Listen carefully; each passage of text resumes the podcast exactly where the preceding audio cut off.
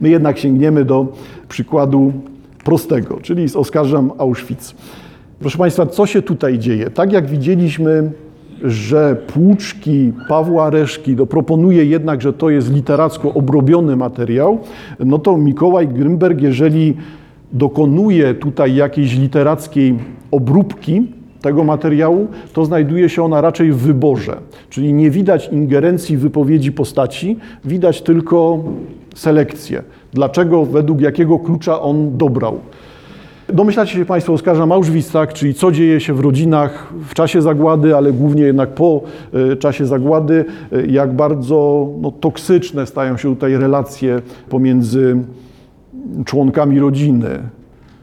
No, mówię o rzeczach dla mnie oczywistych, a nie wiem, czy one są oczywiste w pełni. Tak? To są te sytuacje typowe dla Polski, kiedy dziecko ma, dziecko ma 50 lat i nagle przypadkiem odkrywa, że jest Żydem bo rodzice się nie zająknęli. W ogóle nie ma tematu. I nagle ktoś odkrywa w wieku bardzo późnego dzieciństwa, e, że jest Żydem. No to co, czemu tak jest? Nie? Czemu to wyznanie, przynależność, świadomość społeczna, czemu w Polsce jest tak brutalnie obcięta, tak, tak, tak nienaturalna, taka dziwaczna. No i mamy Oskarżam Auschwitz. E, tytuł celowo tak na wyrost, bo rzeczywiście nie o samo Auschwitz tutaj chodzi, tylko bardziej szeroko o zagładę, o wypowiedzi świadków, wypowiedzi uczestników. Czyli cytuję Grünberga z Oskarżam Auschwitz. Na przykład, byłem trzy tygodnie, e, mowa jest o opowieściach rodzinnych. Ojciec opowiada synowi, co się w czasie wojny działo. Na przykład, byłem trzy tygodnie w Grozrosen, było bardzo zimno, był jeden zły Niemiec, ja mu powiedziałem to, a on mi tamto i uciekliśmy. Zawsze wygrywał, nigdy mu nie było ciężko. To jest dalej o tych opowieściach ojca. A moja mama nawet tego nie chciała zrobić. Nigdy nie usłyszałam słowa o jej rodzicach. Raz mi tylko powiedziała, że jej mama była mądra. Słuchaj, to nie są złe wiadomości, że wszystkie kobiety z tej rodziny były mądre, tylko trochę mam mało informacji, co? Ktoś mi powiedział, że mama ukończyła Uniwersytet Jagielloński. Napisałam do nich do Krakowa. Odpisali. To była prawda. Dzięki temu w krakowskim archiwum znalazłam jej kenkartę i zdjęcie babci. Miałam przedtem zdjęcie rodziców mamy, ale to było zrobione gdzieś na ulicy w Krakowie i, i obydwoje mieli czapki na oczach. Nie można ich było dokładnie zobaczyć. Teraz już mam zdjęcia, gdzie są też ich twarze. Prawie mogę powiedzieć, że ich widziałam. Rozumiesz, jakie to ważne? Wymyśliłam też historię, że dziadkowie nie byli pobożni. Dlaczego wymyśliłaś? To jest pytanie tego prowadzącego wywiad. Bo to jest moja bajka. Muszę skąd, skądś pochodzić. Na zdjęciu dziadek ma taką małą brodę, taką francuską, więc myślę, że nie był pobożny. Wiem, że nie był syjonistą, bo mama po wojnie chciała jechać do Ameryki, a nie do Palestyny. Myślę, że nie był bardzo dobrym biznesmenem, bo dom na ulicy Krakowskiej pod numerem 36 był zapisany na babcie. To było takie zabezpieczenie w razie bankructwa, rozumiesz? A może był ostrożny? To może być Twoja bajka, moja jest taka. Wiem z archiwum, że później dziadkowie przenieśli się w lepsze miejsce na Stradą, potem wrócili na Krakowską. Dla mnie to znaczy, że dziadek stracił pieniądze i musiał wrócić z lepszego Stradoma na gorszy Kazimierz. Ale to jest tylko bajka, bo nic innego nie mam nie dawałam rady żyć z tajemnicą, to musiałam wymyślać te bajki. Muszę Ci powiedzieć, że sporo się naszukałam. Jak przyszłam do tego Stowarzyszenia Krakowian, to zaczęłam ich wszystkich pytać. Jestem córką Antoniny w Izraelu Jona z domu Borstein i Jakuba Lesera. Czy Ty coś o nich wiesz? Od razu znalazłam jednego, co powiedział: Byłem z Twoim ojcem w Płaszowie. Drugi: Ja z nim byłem u Schindlera. Na szywie po moim ojcu miałam przy sobie taki zeszyt i wszystko tam zapisywałam. Podszedł taki pan, a ja od razu do niego, skąd pan zna moich rodziców, jak się pan nazywa, co pan o nich wie, czy jest pan z nami spokrewniony, proszę mi to narysować. Mam trzy czy cztery takie zeszyty. Mój ojciec napisał te swoje 40 stron, a ja do tego dodałam kolejnych 40 z takimi małymi rzeczami, które przeczytałam albo mi ktoś opowiedział. A jak się masz w swoim życiu? Jesteś szczęśliwa? Nie, nie nauczyłam się, ale dużo się śmiejesz. Nauczyłam się śmiać, ale to nie ze szczęścia, tak żeby było ładnie. Wstajesz rano i co? Boję się, że coś się stanie, szczególnie dzieciom, ale nie mogę im tego powiedzieć, bo wiem, jaki to może mieć na nich wpływ. A ty wstajesz rano i co? Zadowolony jesteś od razu? Czasami jestem zadowolony. A o dzieci się nie boisz? Każdy się boi o dzieci.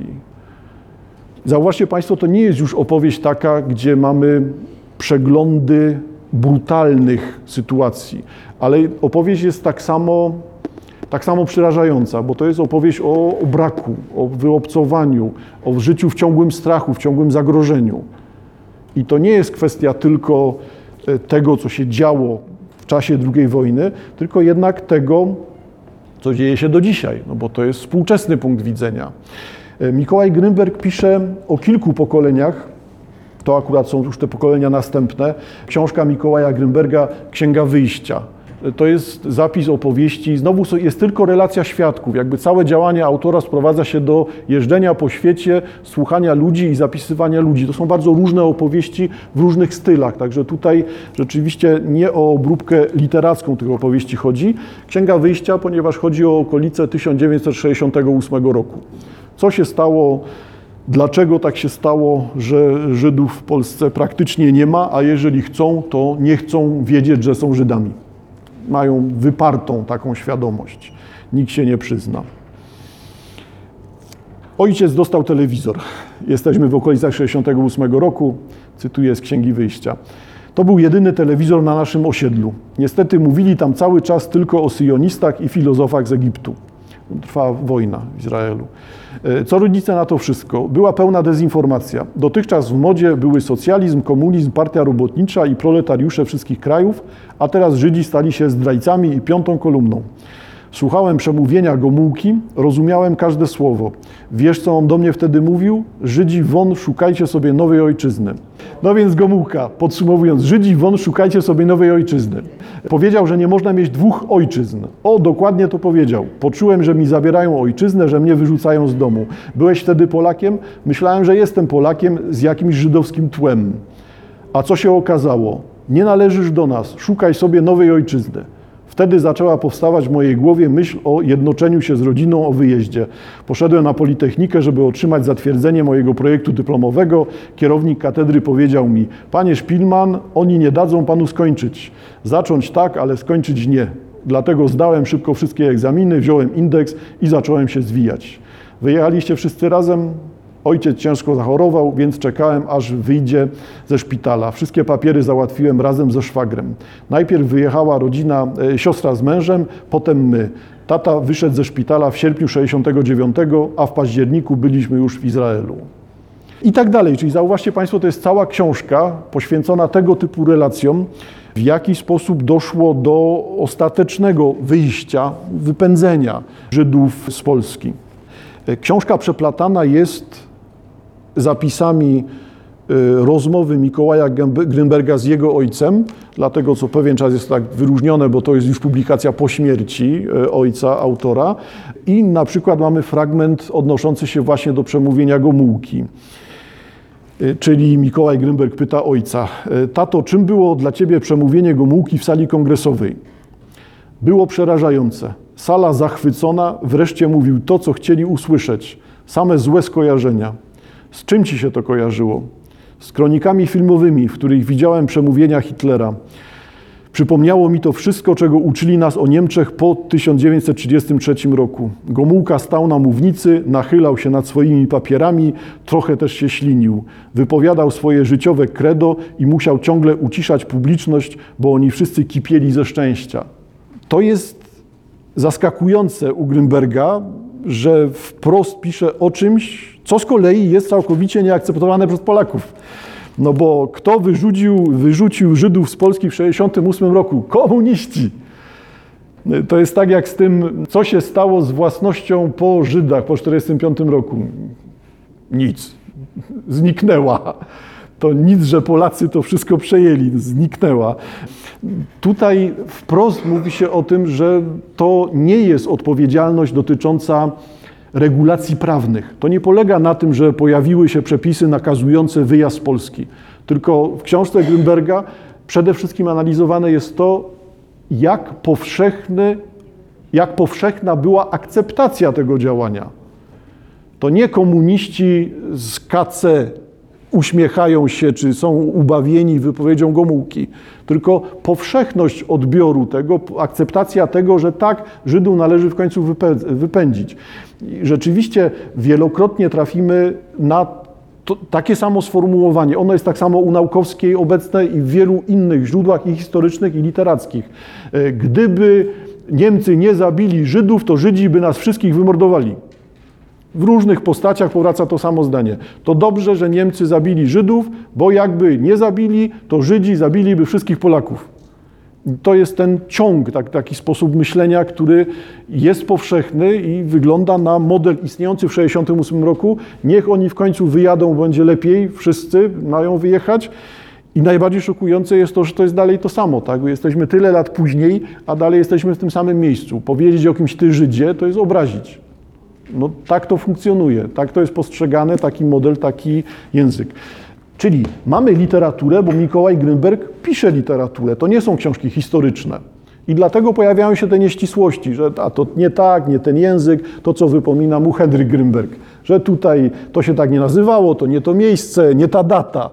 No tak, ale to nie jest książka historyka. Tutaj bardziej chodzi o to, żeby analizować znowu, na czym polega to ta nieobecność, pustka, świadomość wyrzucenia, wypędzenia, trwająca do dzisiaj akceptacja tego wypędzenia Żydów, czy akceptacja nieobecności Żydów w Polsce. Współcześnie bardzo trudno przebija się ta informacja dotycząca tego, że ziemie II Rzeczpospolitej to były te ziemie, gdzie najwięcej było Żydów na całym świecie, no bo tak się poskładało. No dobra, jak tam dodamy Nowe Jorki i inne rzeczy, e, może będziemy mieli z czym porównywać. No ale dalej to oznacza to największe skupisko, więc powinno zastanawiać to, co się dzieje w świecie, który nagle traci taką ilość ludzi, żyjących, działających, tworzących kulturę. No I okazuje się, że tego pytania nie ma. Jest blizna, oczywiste, tylko udajemy, że jej nie ma. Je następuje zapomnienie, pominięcie, biała plama, jeżeli wolimy tym językiem historycznym.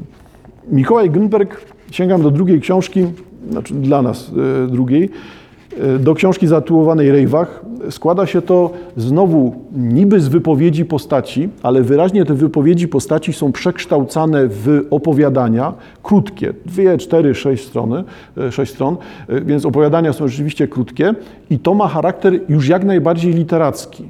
Czyli to jest próba jednak znalezienia odpowiedniego języka. Książka nazywa się Rejwach, chyba słowo funkcjonuje do dzisiejszego dnia. Y, to trzeba by natomiast wiedzieć, że jest to z jidysz bezpośrednio. To jest Rejwach. Zgiełk, zamieszanie, hałas, tak? No to jest bezpośrednio słowo z jidysz, bo przecież nie jest polskie, powinno być widoczne. No to mamy, y, zaryzykuję, że to jest opowiadanie jednak, opowiadanie zatytułowane Rejwach. Trzy strony, fragmenty. Coś mi się dzisiaj wydaje, że łatwiejsze od bycia Żydem jest niebycie Żydem. Mam trochę lat i doświadczeń, chętnie panu opowiem cały ten rejwach. Człowiek się rodzi i nie wie, kim jest. Urodzi się w lepszym domu, to mu lepiej, w gorszym to gorzej. Początki człowieka są najprzyjemniejsze dla rodziców. Pan rozumie, o czym ja mówię.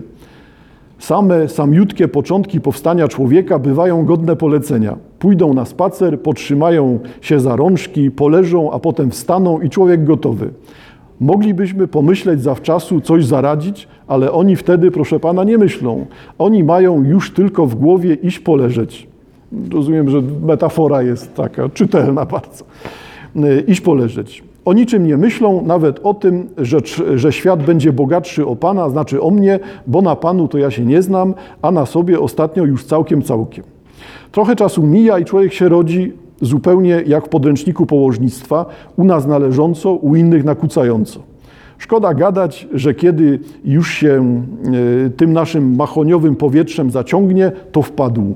Musi tu żyć aż do śmierci. Czy wyrośnie na mądrale, czy na szmoka, żyć musi, rady innej nie ma. E, przemknęło to nie, że seplenie, szmok. To jak ten rejwach. Jak to teraz oględnie powiedzieć? Głupia pała, tylko krótko.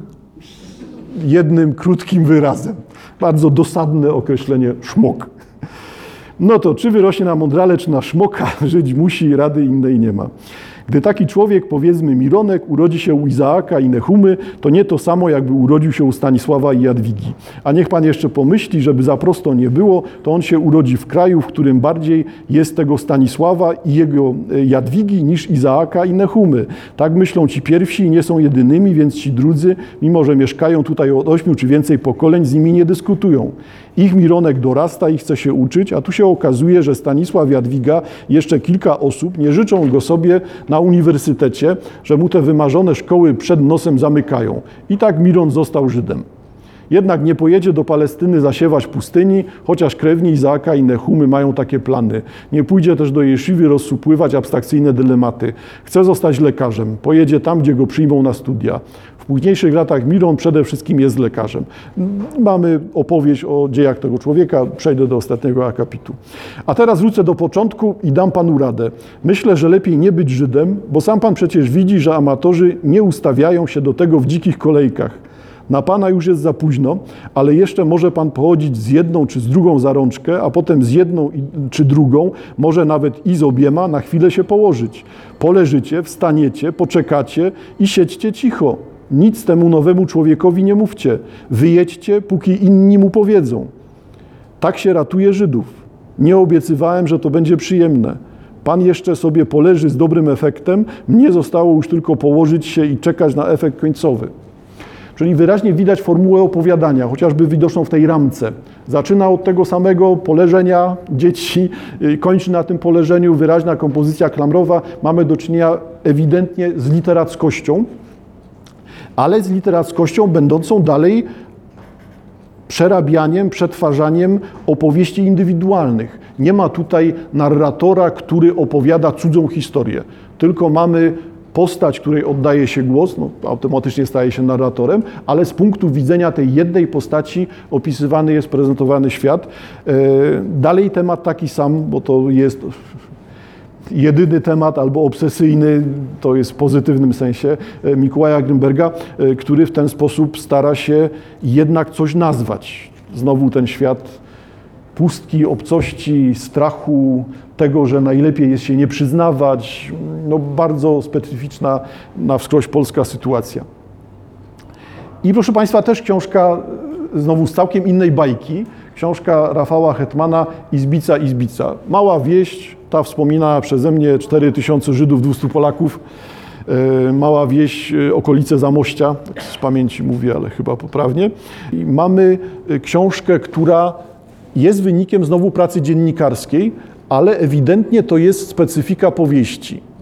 Czyli mamy do czynienia z czymś, co stara się poprzez, z czymś, z dziełem, które stara się poprzez wielość głosów, wielość punktów widzenia opisać nam świat, z którego znikają ludzie i to znikają właśnie w ten sposób bez, bez śladu. Żadnych Żydów w Izbicy już nie ma, są za to ich domy. Murowane, drewniane, niektóre bardziej przypominają szopy na narzędzia niż schronienie dla ludzi.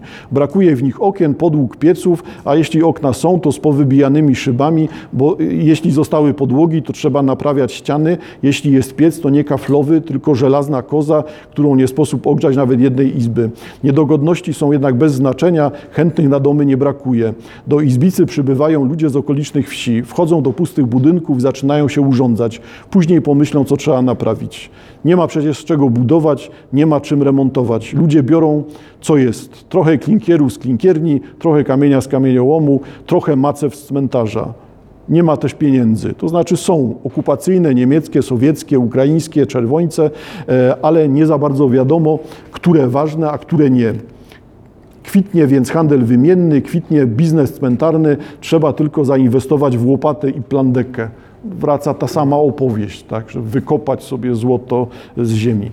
Jedna miejscowość, stosunkowo drobna, staje się tutaj znowu próbą ilustracji, próbą znalezienia opowieści, która dotyczy czegoś strasznego, czegoś nieobecnego. Próbą wygląda na to, że, że udaną, dlatego że zamknę chyba w innym miejscu sprawę. E, jak Państwo wiecie, Nike dostało Kajś. No i to jest ten sam chwyt literacki, ten sam zabieg. Jak zbudować opowieść, która jest uniwersalna jednocześnie opowieść, która wynika ze źródeł historycznych, nie ma co kwestionować, i jest to opowieść trafiająca do masowego odbiorcy. Wracamy na początek. Gros nie jest dla masowego odbiorcy. Masowy odbiorca usłyszy dyskusję o grosie, ale raczej nie będzie masowego czytania grosa. E, wobec tego masowy odbiorca może to Grünberg, no bo emocjonalny, wrażliwy, subiektywny i zbierający te opowieści, które są no, porażające autentyzmem. No, może Grünberg. No, albo rzeczywiście próba taka jak u Rafała Hetmana e, opowieści lokalnej, opowieści często brutalnej, bo też o, o piciu, o sprzedawaniu Żydów, no, zabijaniu Żydów, e, o pustce po Żydach, wszystko naraz. E, Izbica jako miejsce, które staje się Polską. Może nie w tych proporcjach, tak, 4000 do 200, no ale staje się Polską. I jeszcze raz sięgam do tego przykładu pierwszego. Nie wiem, proszę Państwa, co wygra, a raczej mój wrodzony pesymizm e, podpowiada mi, że wygra ta opcja czyli takiego właśnie no, strywializowania śmierci. No, ta okładeczka polegająca na tym, że figury szachowe, zamk króle chyba, tak, biały i czarny król, y, jeden zakończony mm, Hakenkreuzem, a drugi gwiazdą Dawida, y, mają być tą rozgrywką. Jesteśmy gdzieś w kręgu znowu powieści sensacyjnej zapewne. Czy wygra tego typu ujęcie? Czy wygra to ujęcie bliższe historykom. Jeżeli wygra to popularne ujęcie, to to jest historia, która sprawi, że, czyli proszę Państwa, jeżeli wygra ta, to ujęcie popularne, to opowieść o Auschwitz będzie opowieścią e, o tym, jak miło ogrzał się francuski gwardzista w drodze na, Mo na Moskwę w polskim majątku i jakie to pochodzenie mają niektórzy Polacy francuskie w wyniku tego. No, no niby fajna historia, no może, może i rzeczywista, no tak cytuję, nie wymyśliłem, e, może i rzeczywista, ale retoryka niepowiązana z niczym, ładna. Nie? I to obawiam się, że może grozić tej historii zagłady. E, tymczasem ta druga opcja, czyli na przykład Grünberg czy, czy Hetman, no to jest sposób pisania o konsekwencjach zagłady, o tym, że to jest coś, co trwa. Nie wiem, czy sięganie przez Polaków do tych popularnych ujęć zagłady nie jest próbą e, leczenia się tego, że skoro są te opowieści banalizujące, trywializujące e, zagładę, to to też sprawi, że jest to rodzaj znieczulenia, rodzaj zapomnienia. Można wpisać ten świat w historie fikcyjne, nie? bo z kolei czytanie e, Grünberga, e, chociażby czy Grossa, no jednak sprawi, że to wszystko wychodzi na pierwszy plan i to jest do dzisiejszego dnia czytelne nie chodzi o to, że Polacy używają słowa Żyd jako obraźliwego, tylko o to, że ślady nieobecności Żydów do dzisiaj są widoczne i to, że Polaków to boli, też jest widoczne. No, wystarczy ruszyć temat i okazuje się zaraz, że ktoś nie jest patriotą. Tak? Mówi o mieniu żydowskim, to znaczy, że nie jest patriotą, bo chce, żeby tutaj Żydzi nie wiem, wracali czy dorabiali się, odzyskując swój majątek. Logicznie wypowiedź bez sensu jak się dorabiać na uzyskaniu swojego majątku, e, no ale reakcja emocjonalna jest właśnie taka. E, ciekawa sprawa, ja spodziewam się, że zarówno w najbliższych latach, e, bo to widać już od dwóch, trzech lat, ta bibliotekarka z Auschwitz, z Auschwitz, pokrewne rzeczy, będzie tego chyba coraz więcej. Na świecie podobnie. Te historie stają się historiami w świecie fikcji. Nie wiem, czy pojawi się masowy odbiór książek takich jak Reszka czy Grünberg, są one bardziej wymagające. Wymagają tego, żeby no, przyjąć, przejąć się, zaangażować się, zobaczyć taką ocenę, taką, taki inny sposób widzenia świata, czy dopuścić do głosu to, że coś jest tu brakiem, że ktoś za coś odpowiada. No a jak się Państwo domyślacie, w takich książkach nie ma tej odpowiedzialności, nie? Po prostu to jest świat z księżyca. Nikogo to nie obchodzi, jest to tylko przeszłość. Ciekawe, będziemy obserwowali rynek wydawniczy, okaże się, że albo jest więcej książek jednych, albo drugich. E, niekoniecznie zachęcam, żebyście Państwo czytali te książki biało-niebieskie paski. Nic dobrego z tego nie wyniknie, szczerze mówiąc, ale jeżeli ktoś bardzo chce. E, ale czy wyniknie coś dobrego z czytania Grünberga albo Reszki? No niestety, jeżeli ktoś chce mieć przykrość, no to te książki ją zapewniają, no bo to jest czytanie o przykrych rzeczach Może to taki Żeromski wychodzi jeszcze raz, tak? Trzeba rozdrapywać rany, żeby nie zarosły błoną podłości. No, może Żeromski jeszcze raz, nie? Po stu latach ponad wracający. Temat rzeczywiście trudny, ale no, żywy. Polaków dalej obchodzi.